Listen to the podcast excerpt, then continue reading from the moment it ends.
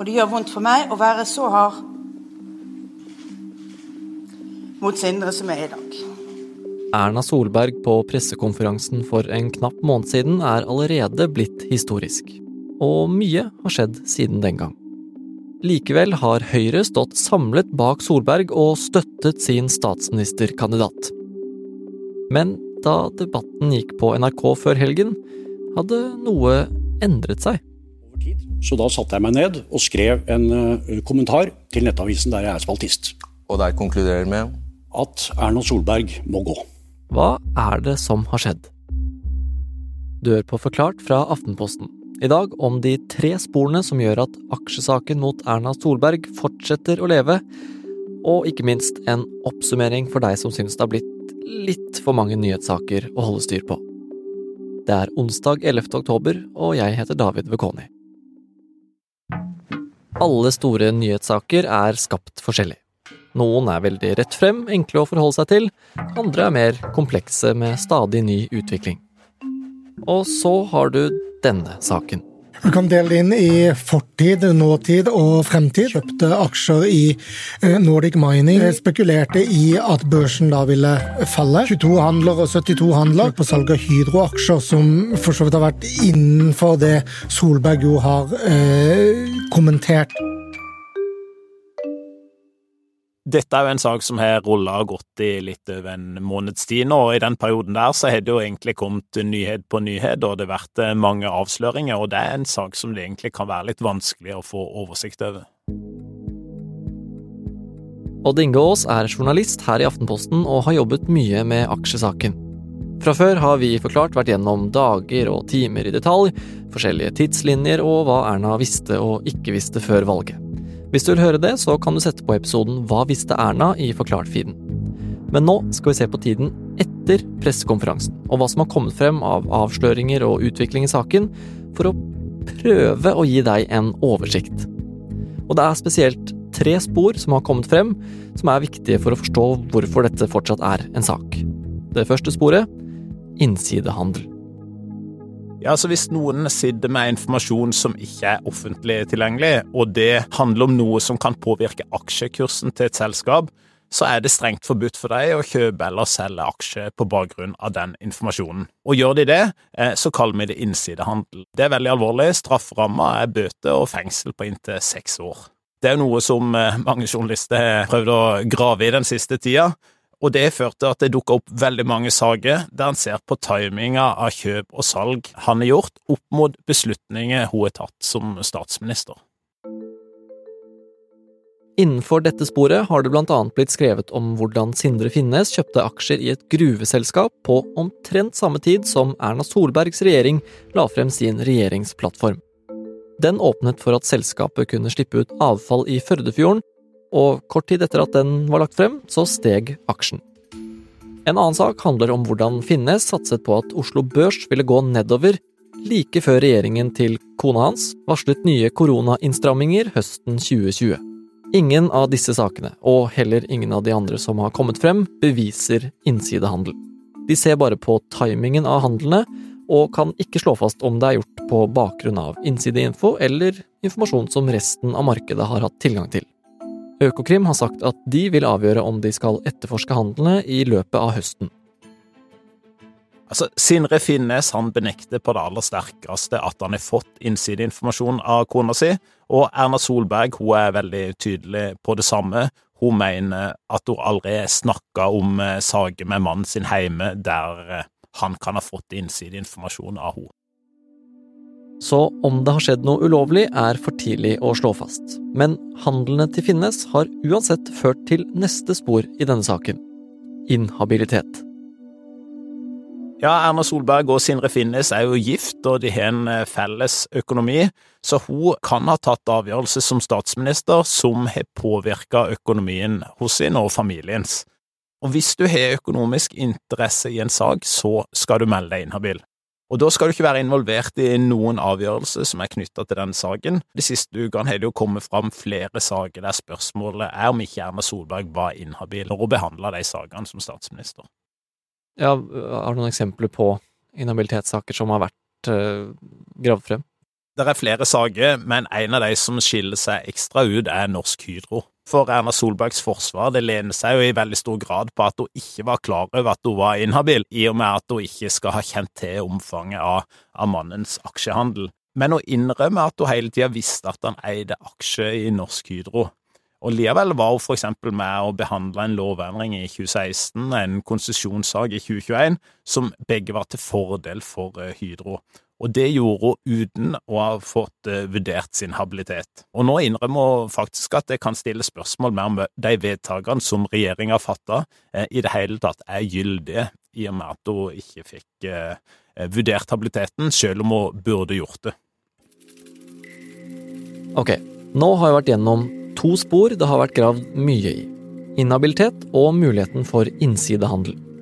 I tillegg har det kommet avsløringer om at e-poster mellom Sindre Finnes og statsministerens kontor, eller SMK, ikke har blitt lagret i en journal, som de skulle vært.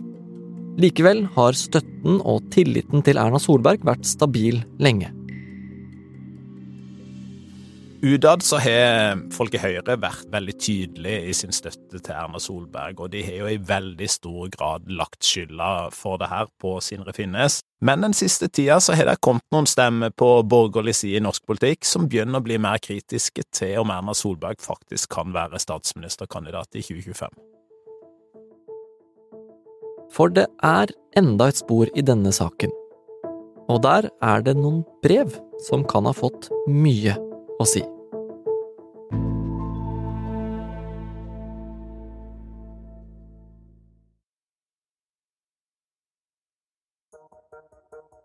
Flere uker etter at aksjesaken sprakk, hadde Erna Solberg bred støtte på borgerlig side, eller i det minste fravær av krass kritikk. Hun lå også godt an på målinger. Men så skjer det noe. NRKs statsministermåling 29.9 viser at populariteten hennes har falt, og at hun er på nivå med Jonas Gahr Støre. Og så, i forrige uke, kommer den første tydelige stemmen på borgerlig side, som mener at Erna ikke er skikket til å være statsministerkandidat. Mener helt prinsipielt at man ikke bør utnevne noen som statsminister når de tidligere har utøvd eh, omfattende og gjentakende brudd på habilitetsregelverket i akkurat det embetet. Og så skal det gå fra vondt til verre for Erna Solberg. For da er det duket for noe som kanskje ikke høres veldig heftig og dramatisk ut, men som er det en kontrollsak i Stortingets kontroll- og konstitusjonskomité. Skal vi bare si at vi kaller det kontrollkomiteen. Hva er det kontrollkomiteen har gjort i denne saken? De har nå en stor sak der de undersøker hvordan regjeringa har håndtert alt dette med habilitet. Eh, og der har de jo òg mange saker fra dagens regjering eh, som de ser på, der har det vært mye rod. Men nå ser de òg veldig mye på det som skjedde under Erna Solberg. De har sendt et brev med 14 spørsmål til statsministerens kontor eh, om dette. Det har de fått svar på, og de ba òg Erna Solberg om en redegjørelse om omfanget av hos sin inhabilitet som statsminister. Og i sitt svar så innrømmer jo Solberg at hun har vært inhabil i veldig mange saker. Eh, og så ser det ut til at Solberg og statsministerens kontor har hatt en ulik oppfatning av åssen praksis eh, som skulle gjelde rundt dette. Hva er det de har oppfatta ulikt? Altså Kort fortalt så kan du si at SMK sier at det er Solbergs ansvar å passe på sin habilitet, og de kan bare bidra med råd hvis de blir spurt. Solberg sier at hun fulgte de rådene hun fikk fra SMK, men det kommer fram at hun på mange måter snekra sammen et eget opplegg som skulle sørge for at hun ikke ble inhabil. Det handla blant annet om at eh, Finne smelte inn alle selskapene hadde aksjer i til SMK, og at han da kunne kjøpe og selge eh, aksjer i deia uten at eh, Erna Solberg ble løpende orientert. Men det opplegget der har jo nå vist seg å ikke holde vann. Og så har du svaret til Sindre Finnes, som kom sent fredag ettermiddag, rett før helgen satte inn for alvor. Da skulle han, via advokaten sin, levere en mer detaljert liste over handlene sine til kontrollkomiteen. Journalister i alle mediehus satt klare til å gå gjennom med lupe, og så kom lista. Umiddelbart så er det ikke kommet uh, så veldig mye nytt der, men det er jo noe som fortsatt mange journalister fortsetter å se på og grave i, og det er noe som kontrollkomiteen på Stortinget òg vil se på. Men kontrollsaken i kontrollkomiteen er ikke over enda. I november skal de ha åpne høringer i Stortinget, hvor dette kommer til å komme opp på nytt. Så det har vært en lang måned med graving, avsløringer og forskjellige spor, og etter hvert så har den brede støtten til Erna Solberg skrumpet i hvert fall litt inn. Det ble tydelig i debatten med Fredrik Solvang før helgen. For meg ble det da eh, klart at nok var nok. Erna Solberg må gå.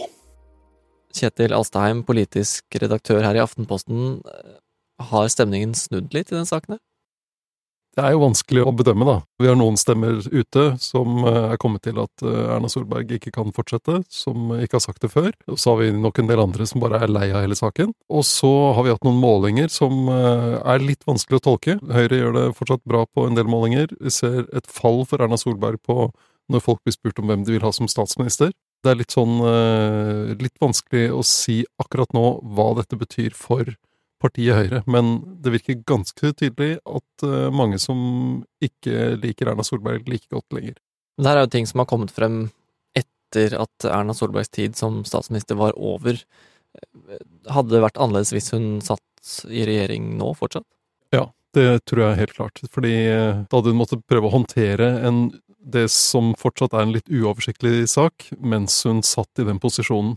Det er svært sannsynlig at hun da måtte trukket seg. Nå er hun leder i Høyre, og Høyre må finne ut av uh, om hun fortsatt kan være partileder, om hun fortsatt kan være statsministerkandidat, men det er ikke akutt på den måten som det ville vært hvis hun satt som statsminister. Erna Solberg har allerede måttet svare på mange vanskelige spørsmål og stått i stormen i snart en måned. Hun har selv sagt at hun ikke kommer til å ta en forhastet beslutning mens alt det her står på. Og det er flere mulige hindringer på horisonten.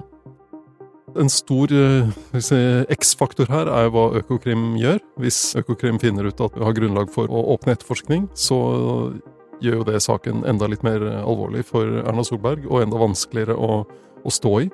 Hvis Økokrim eh, konkluderer med at det ikke er noe, noe, poeng å gå inn her, så vil det være en lettelse for henne.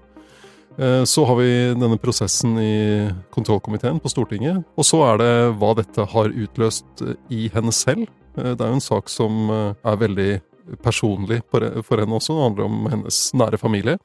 Og hva det har utløst i partiet av tanker både om hennes muligheter til å å gjenoppbygge tillit og være en god frontfigur og en Erna er stjerna, som hun har vært for uh, Høyre i flere år. Eh, eller om uh, noen begynner å tenke at hun skal jo gå av en eller annen gang, og kanskje den gangen nå begynner å nærme seg. Hm. Tror du hun kan overleve alle de hindringene da?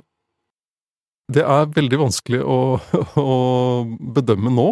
Det har litt med tidsaspektet her å gjøre. Det kommer jo stadig nye saker, men de flytter løfter ikke selve hovedproblemet hennes noe særlig. Hun har vært inhabil i mange saker. Hun har ikke gjort det hun burde for å få oversikt over hva ektemannen drev med i aksjemarkedet.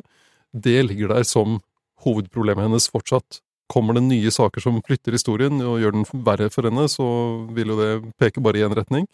Og så igjen da hva Økokrim gjør. Dette er en veldig stor sak i bevisstheten hos velgerne nå, og så er spørsmålet hvor lenge vil de være opptatt av den? Vil de legge den bak seg fordi de blir mer opptatt av andre ting? Vil folk tenke at jeg er fortsatt misfornøyd med dagens regjering, jeg vil ha en ny?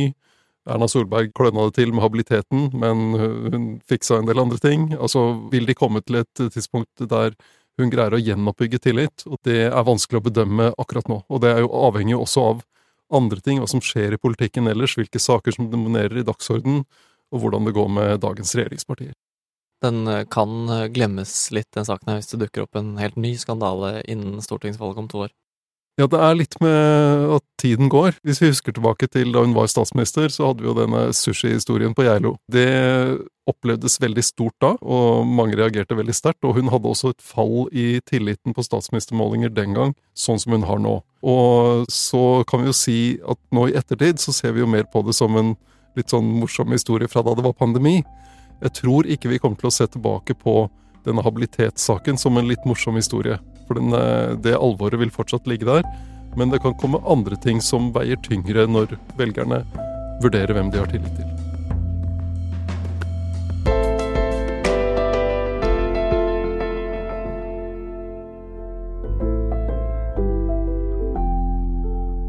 Du har hørt en podkast fra Aftenposten. Det var Odd Inge Aas og Kjetil Alstaheim som ga deg en eh, oversikt over aksjesaken til Erna Solberg.